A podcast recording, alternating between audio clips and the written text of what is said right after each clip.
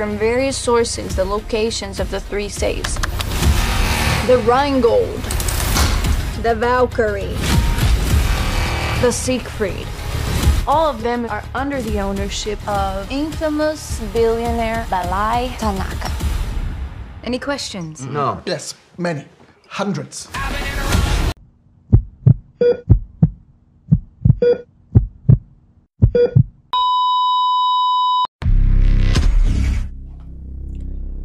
Hey, hey, hey. Selamat bergabung kembali di channel BB69. Sobat BB69, pada episode kali ini kita akan membahas sebuah film yang merupakan prequel dari film zombie yang dahulu itu sempat beredar di Netflix. Nah, sekarang judulnya Army of Thief. Nah, sekarang sudah bergabung dengan saya dua teman kongko BB69. Yang pertama ada Mas Dian dari WV Corner. Apa kabar Mas Dian? Alhamdulillah, kabar baik. Sehat, Mas?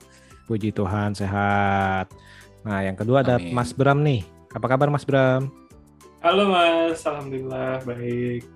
Nah, kemarin kita baru ngomongin The Medium di Broadcast Podcast. Sekarang kita lebih santai Benar. lagi. Jadi, Jadi boleh lebih ketawa-ketawa ya. iya. Kalau kemarin malah kemarin lebih ketawa kali karena kita ketakutan, jadi kita ketawanya lebih besar. Iya, tappingnya malam lagi. Oke oke. Nah, eh, Mas Bram, eh, saya mau Hmm, nanya nih. siap. Pas waktu pertama kali di istilahnya diumumkan bahwa akan di dirilis atau dibuat sebuah eh, prequel yang berjudul Army of Thieves ini, reaksi Mas gimana Mas? Apakah Mas bilang, aduh ini mah cuan-cuan-cuan lagi nih, atau Mas bilang, wah wah, keren dong itu harus, gimana Mas? Eh, saya tuh semenjak gara-gara nonton Free Guy kemarin agak-agak inilah agak mendukung bahwa sebetulnya satu jalan cerita itu cukup di satu cerita aja. Nggak perlu kemudian ada sequel nggak perlu ada spin-off nggak perlu ada prequel kayak gini gitu. Tapi tapi malah ini menjadi apa ya segar kalau menurut saya. Kalau kita nonton Army of the Dead kan itu full kayak kita nonton apa ya zombie ya Hmm. Cuman vibe Amerika itu kan jelas ya.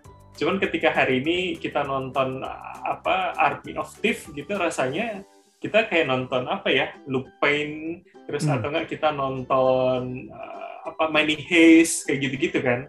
Jadi menurut saya mungkin Netflix melihat bahwa oh cerita terkait dengan kehidupan orang Eropa, mereka yang berbahasa Prancis, Jerman itu mungkin lebih menarik buat penonton Netflix sekarang. Jadi akhirnya mungkin uh, sosok dari Ludwig inilah yang akhirnya di dieksplor bagaimana bagaimana original story-nya. Padahal sebetulnya kan kalau kalau saya lihat di Army of the Dead kayaknya dia ya walaupun dia kunci ya, tapi kan artinya dia tidak tidak yang berhubungan langsung apalagi dia sosok penakut belajar nembak aja baru terus kemudian apa ya bacot banget lah pokoknya bukan yang sosok prajurit yang handal gitu loh gitu sih mas. Jadi menurut saya ini ini uh, Netflix sepertinya melihat pasarnya yang lagi ini apa. Jadi dia mencoba untuk masuk di pasar yang orang lagi suka kehidupan uh, gaya Eropa terus kemudian cerita soal apa uh, pembobol bank gitu kan. Itu itu yang lagi diangkat sih menurut saya. Hmm, hmm. Bener juga sih, mungkin aja daripada mereka ngangkat film action, maksudnya action-action dari dari luar biasa, maksudnya kan yang lain kan prajurit, ada pilot, ada apa, mungkin kan istilahnya uh, Iya. mendingan nih sekarang nih kayak Money Heist kan cukup cukup istilahnya cukup heboh ya, terus habis itu belum lagi Bener. juga uh, Lupin itu kan juga cukup lumayan merajai waktu itu kan top 10 juga, misalkan kita ngomong top 10 ya, dapat kan, seperti itu. Mungkin sih uh, ini memang salah satu caranya nih. Nah, kalau Mas Dian uh, waktu dengar itu ada ekspektasi tertentu gak Mas Dian? Kalau saya, uh, sebetulnya enggak sih. Jadi kalau saya di podcast ini kan beberapa bulan terakhir kayaknya sudah sering ngomong ya kalau saya tuh sekarang lagi ada di mode skeptis gitu kalau ngomongin film-film yang emang dirancang rilis digital gitu. Udah berapa kali saya ngomong di sini. Jadi uh, uh, menurut saya itu kualitas belum berbanding dengan kuantitasnya yang tiap pekan tuh selalu ada film baru gitu. Jadi makanya banyak film-film yang pada akhirnya cuma uh, wasting time ibaratnya nggak apa ya biasa banget lah gitu ibaratnya. Jadi ketika ada uh, diumumkan prequel dan jaraknya cukup dekat itu saya sama sekali bisa dibilang nggak antusias gitu. Bahkan ketika udah tinggal sisa seminggu, oh ini udah mau tayang nih yang uh, prequel Army of the Dead gitu. Jadi saya nggak ngeh sebetulnya. Apalagi ketika waktu itu saya nonton trailernya tuh uh, ngelihat ini premisnya tuh mainstream banget gitu, bikin tim dengan apa namanya uh, misi tertentu dan juga dengan kemampuan uh, karakternya beda-beda. Ini kayaknya sekarang berapa tahun terakhir itu semenjak The Money Heist tuh berapa kali saya nemuin hal seperti ini gitu, premis seperti ini tuh. Jadi sebetulnya saya sama sekali nggak antusias gitu untuk menyambut film ini. Cuma yang bikin saya tertarik untuk nonton kan tetap ini bagaimanapun juga uh, universe-nya Zack Snyder lah bisa dibilang untuk Netflix gitu kan ada rencananya ada tiga film itu yang dari awal Army of the Dead terus kemudian prequelnya nanti ada sequelnya Planet of the Dead. Jadi mungkin meskipun saya rencananya tadi nggak nonton secara langsung di hari pertama seperti waktu Army of the Dead, tapi uh, saya tetap bakalan nonton ini. Tapi ternyata karena saya melihat uh, reviewnya bagus-bagus di hari Jumat yang udah nonton hari Sabtu, pada kira kemarin itu hari Minggu saya udah coba nonton gitu dan ternyata hasilnya cukup memuaskan lah gitu. Untuk teruntuk film digital yang notabene sering saya singgung belakangan ini. Wah, jadi masih masih belum berubah skeptisnya ya? Masih belum, mungkin sampai akhir tahun kita lihat dulu. Jadi kesimpulannya satu tahun ini. Nanti tetap akan saya tanyakan uh, apa tanyakan terus nih. Kira-kira nih ada ekspektasi apa? Setiap film ya. iya, karena kita masih berharap sih. Dengan Oke. Nah, tadi Mas Dian kan bilang uh, pas nonton itu jadi gimana Mas Dian? Uh, apakah benar-benar uh, sesuai dengan review-review yang Mas Dian baca gak dalam arti, oh ini ternyata menarik nih atau ternyata Zong juga. Uh, sesuai gitu. Jadi ada mengatakan bahwasanya ini lebih bagus dari Army of the Dead. Inti poinnya yang saya ambil itu deh gitu. Meskipun Army of the Dead itu saya waktu itu saya suka gitu, tapi kan banyak kekurangan juga yang pernah saya bahas di podcast ini dan juga saya waktu itu ada uh, review via tulisan ya. Uh, jadi uh, saya melihat ini emang lebih menarik sih dari segi cerita, dari plot cerita lebih lebih nyaman lah diikutin gitu. Uh, gimana plotnya itu lebih rapih gitu, ngebikin ceritanya nggak directnya.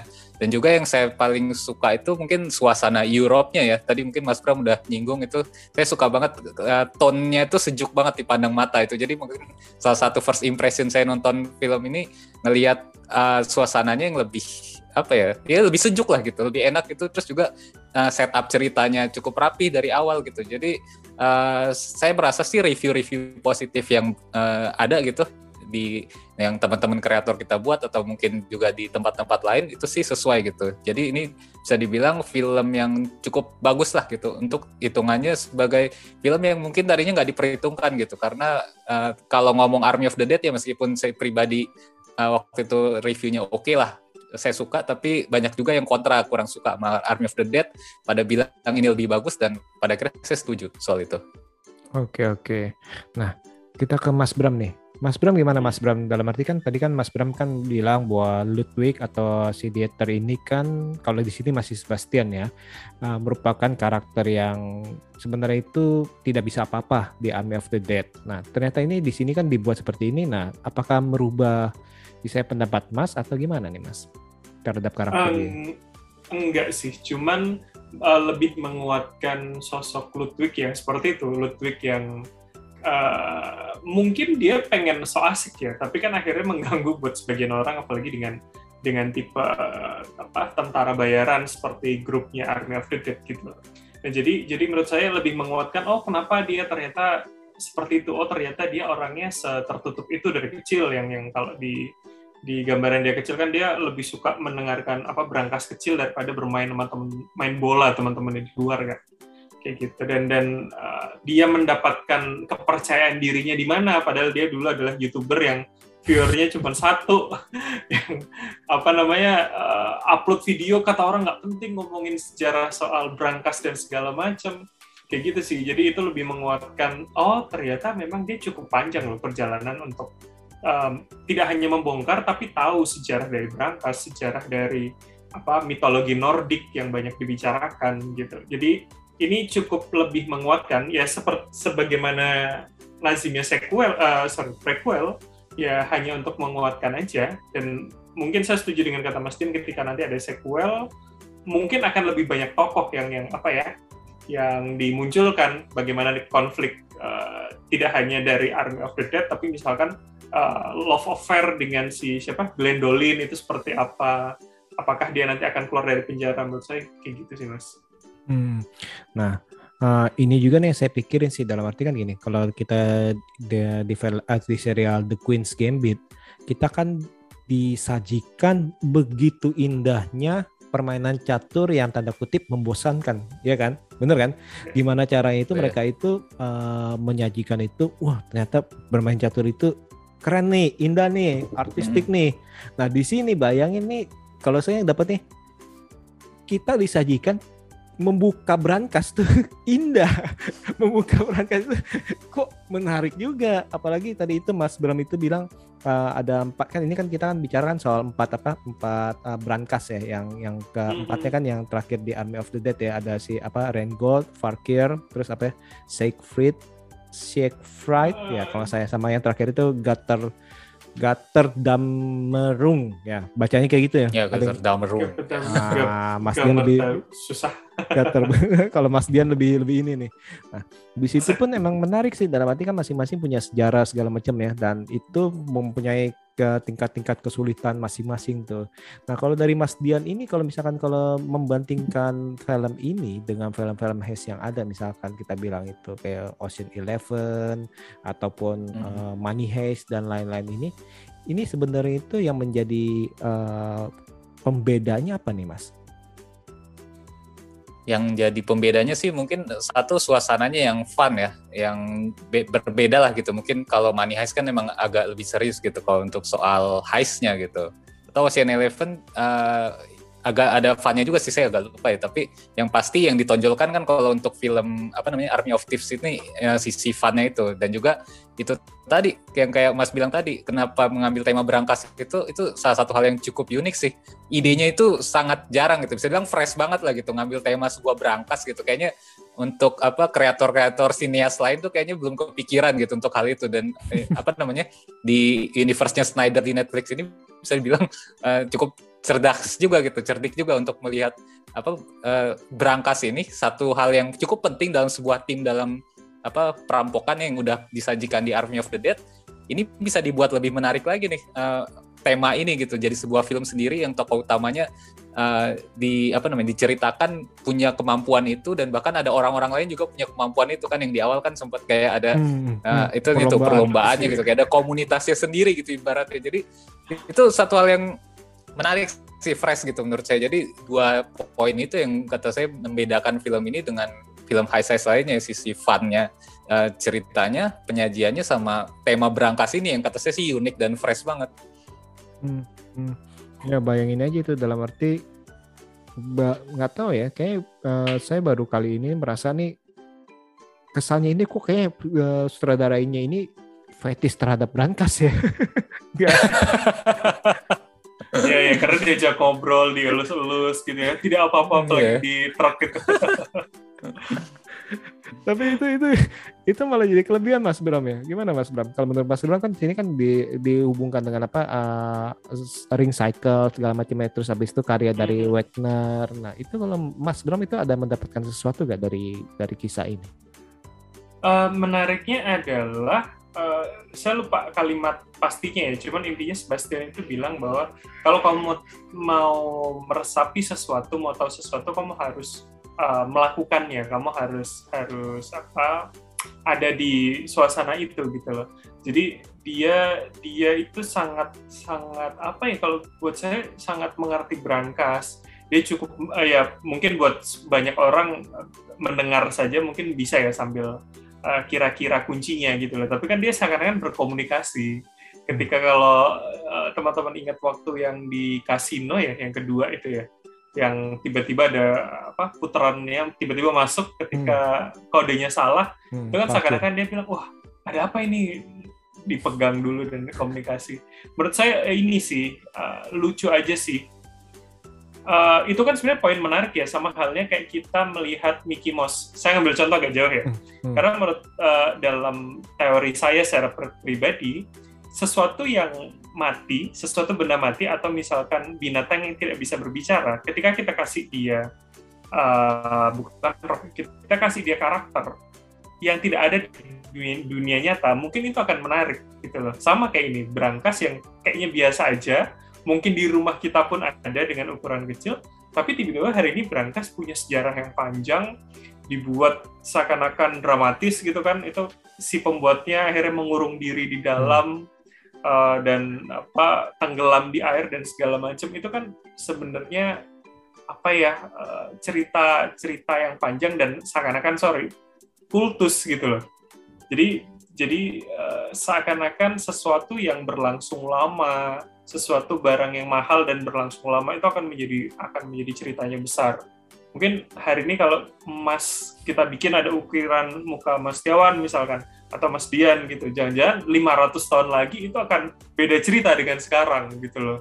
Karena ada nilai, ada sesuatunya, ada value-nya gitu ini yang, yang saya masih tunggu-tunggu nih kan waktu The Queen's Gambit uh, keluar berapa bulan kemudian catur pada laku. Apakah sekarang berangkas pada laku untuk latihan dan untuk mengadakan perlombaan? Oh, tau ini mas apa? Yang apa stetoskopnya dokter itu loh. Ya, Orang pada beli buat ngecek-ngecek. Eh, eh, nah, Mas Tian, kalau dari dari segi cerita, menurut Mas Dian ini uh, film ini gimana nih, Mas Dian? Um, kembali ya, saya tadi bilang sebetulnya premisnya ini mainstream banget gitu, yang apa namanya dengan tema perampokan. Cuma kan dikasih bumbu yang fresh itu melalui tema berangkas dan juga uh, apa sisi humornya itu yang berhasil dieksekusi dengan cukup bagus gitu di sepanjang jalannya cerita gitu. Jadi untuk uh, bagaimana uh, tim dari Netflix apa menyajikan prequel ini, saya bilang sih uh, sukses gitu untuk menyajikan ceritanya. Jadi cukup menarik gitu kan ketika awalnya tuh di setup itu uh, bagaimana develop karakternya juga cukup bagus gitu. Si apa namanya si Sebastian itu ya uh, hmm. gimana kita ngelihat dia itu sebenarnya siapa sih gitu.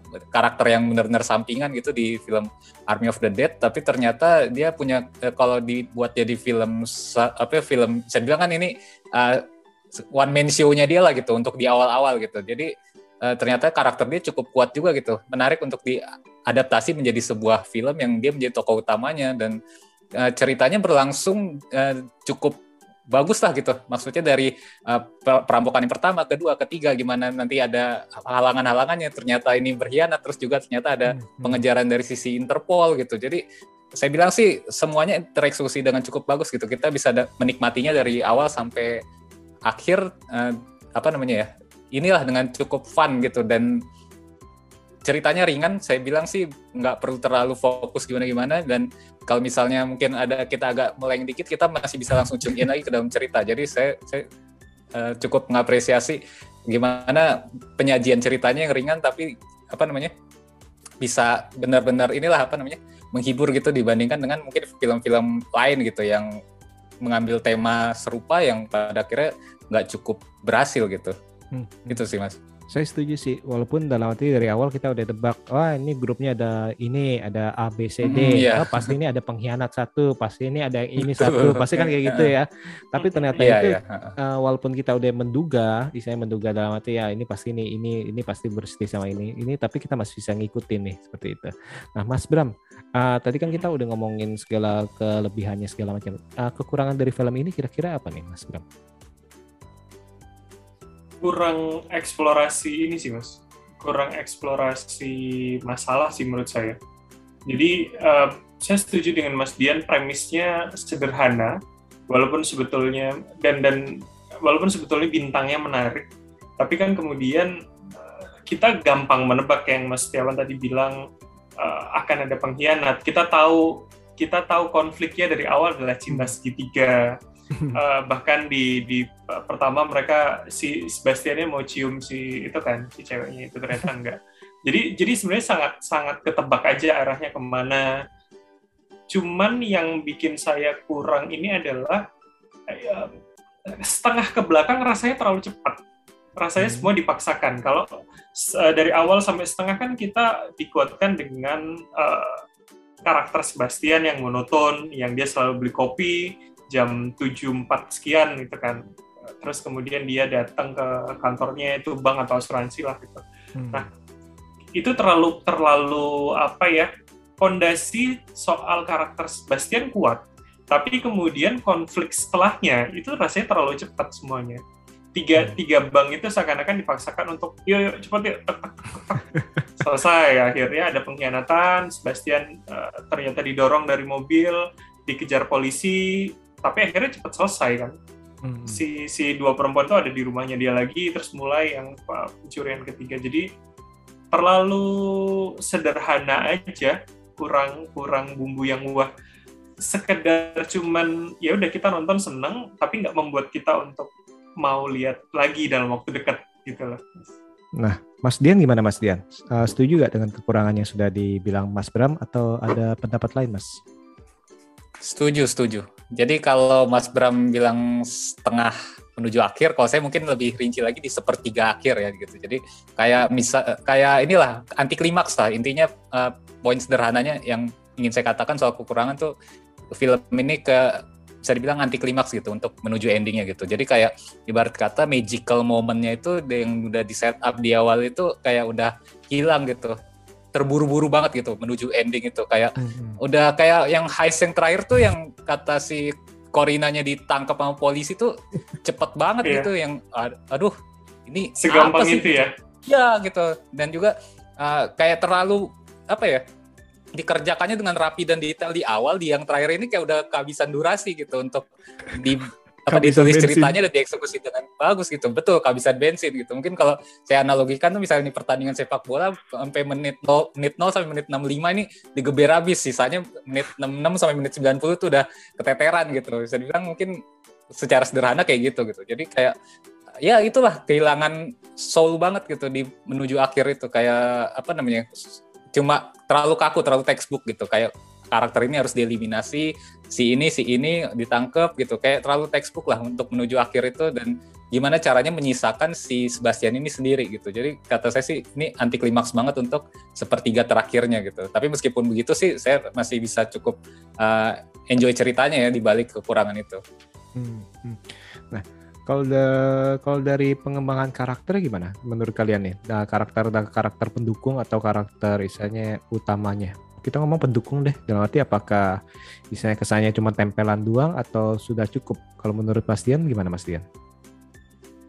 Eh, mungkin kalau untuk tim intinya saya rasa sih ini ada satu poin plus ya dibandingkan dengan Army of the Dead itu adalah karena ini jumlah personalnya itu lebih sedikit gitu. Hmm. Jadi untuk Hmm. fokus pengembangan karakternya itu bisa lebih dapat dibandingkan Army of the Dead yang saya mungkin nggak ingat sama sekali siapa-siapa aja ya anggota timnya. Dan udah gitu kan cepat banget dieliminasinya. Ini ini ini pem- apa kemampuannya apa saya juga udah nggak inget gitu. Tapi kalau ini kan kita bisa inget gitu kemampuan mereka masing-masing. Kayak si Gwendolyn dengan kemampuan ininya apa namanya uh, pickpocketnya terus juga ada si Corin Corina ya. Corina itu Corino. dengan uh, kemampuan IT-nya kita Hmm. bisa ingat dengan dengan ciri khas mereka gaya berpakaiannya terus juga ada si Brad Cage yang obsesi jadi aktor gitu. Cage, ini karakternya bisa dibilang cukup kuat lah gitu. Maksudnya cukup bisa ngena dan berkesan gitu dibandingkan dengan film sebelumnya. Otomatis saya pasti bandingin dengan film sebelumnya yang kata saya kekurangan besarnya itu di segi pengembangan karakter gitu. Jadi meskipun backstory mereka nggak terlalu kuat tapi seenggaknya mereka punya karakter yang eh, bisa bikin penonton tuh ingat gitu. Ini siapa kemampuannya apa ciri khasnya kayak apa itu ada gitu. Untuk masing-masing personil tetap dari ininya apa tim heistnya ini gitu. Di luar dari mungkin kalau karakter lain di luar itu agak kurang ya kayak tim Interpolnya gitu. Terus juga ya itulah mungkin kalau dari saya sih melihatnya pengembangan karakternya better than Army of the Dead. Dan itu kita kan bisa kalau kayak lagi ngobrol gini aja ingat gitu mereka mereka ini siapa aja kemampuannya apa aja dan ciri khasnya apa aja. Itulah jadi c- nggak nggak baru main tiba-tiba dimakan zombie gitu ya. iya udah lupa ini siapa tadi kemampuannya apa Nah, Mas Bram gimana Mas Bram? Setuju gak Mas Bram? Dalam arti eh, pengembangan karakter di sini cukup baik nih karena eh, sedikit atau gimana?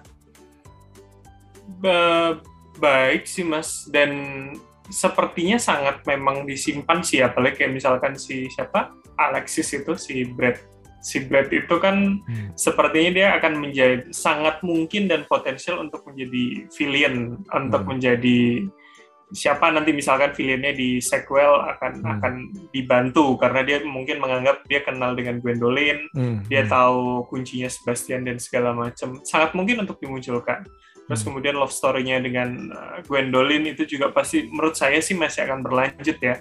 Dengan anggapan mungkin dia keberhasilan di Nevada akan bisa menjemput atau membebaskan Gwendolyn. Saya nggak tahu itu masuknya nanti di penjara Prancis atau di di Praha ya Hmm, hmm. si Gwendolyn itu.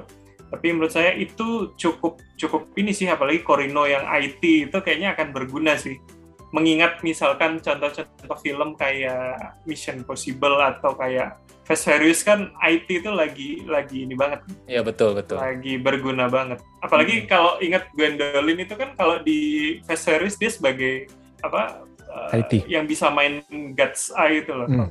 Waktu ketujuh apa Oh, iya. ke delapan saya lupa. Hmm. Hmm, hmm. Gitu. Betul betul betul. Nah, kalau gitu nih dari segi karakter juga masih bisa disimpan-simpan untuk istilahnya mungkin eh istilahnya cuan-cuan berikutnya sequel-sequel atau istilahnya spin-off spin-off Spin ya. off spin off lainnya. Oke oke. Nah sebelum kita tutup nih eh, episode kali ini nih, kira-kira nih ada kata-kata terakhir gak mengenai eh, film ini kepada sobat BB69? Mulai dari Mas Bram dulu. Ya, ini eh, sama seperti kita melihat Asin, karena kita melihat Asin, akhirnya kita melihat Kingdom kalau saya. Hmm. Ini akhirnya karena saya melihat Army of Thief, jadi saya nonton Army of the. Padahal saya dulu nggak nonton, saya tidak Hmm. terlalu suka Dave Bautista soalnya eh, sebagai main karakter, jadi saya nggak, saya memilih tidak nonton. Tapi setelah menonton ini, oh saya tahu eh, apa jadi tertarik untuk lihat walaupun kemudian ternyata Ludwig tidak terlalu apa ya dominan sebetulnya di cerita Army of the Dead. Iya iya menarik nih karena yang tadi itu benar sih dalam arti emang entah apakah ini bakalan dipakai untuk yang lain-lain ya. Nah kalau Mas Dian gimana Mas Dian? Dalam arti apakah ada kata-kata hmm, penutup atau terakhir uh, mengenai film ini kepada sobat BBC9?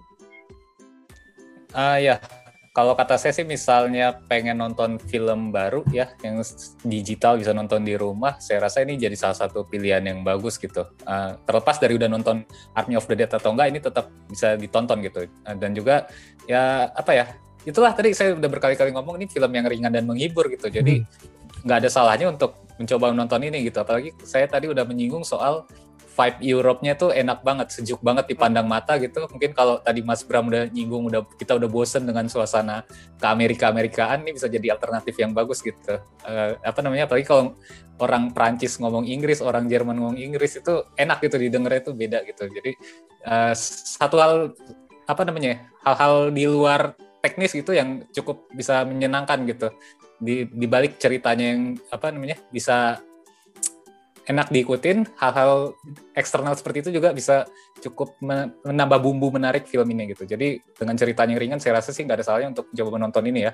Lepas dari suka nggak suka sama Army of the Dead atau nonton belum nonton saya rasa ini film yang tetap recommended untuk di- disaksikan Oke oke oke. Jadi ini kita semua setuju nih, nih film uh, walaupun ringan tapi ini tetap menghibur dan istilahnya masih cocok untuk ditonton tanpa karena nggak nggak perlu mengkerutkan dahi. Waduh ini ini apa lagi ini artinya ini apa gini. Iya. Malah malah membuat kita istilahnya uh, mencari tahu nih sebenarnya ini empat berangkas ini nih istilahnya uh, mitologinya apa nih mengenai apa nih. Nah itu nanti kita cari-cari tahu nih atau malah jadi suka sama lagu klasik ya. Bener kan ya? Atau malah malah Oh, lebih iya. lagi nyari-nyari brankas untuk mencoba lomba Brankas buka-buka brankas. Oke oke oke. Nih thank you banget nih Mas Bram, Mas Dian nih untuk ngobrol-ngobrol uh, mengenai Siap, uh, film terbaru di Netflix yang tentunya ini nanti nih kita berharap nih sequel dari Army of the Dead ini uh, akan menjadi lebih bagus lagi dan mungkin nih kita berharap nih ada uh, tokoh-tokoh dari film Army of Thief ini tetap dimunculkan di ke depannya ini. Oke sekali lagi thank you banget nih. Semoga kita akan bicara uh, mengenai film-film lainnya tentunya di waktu lainnya. Oke sekali lagi Siap. see you. see you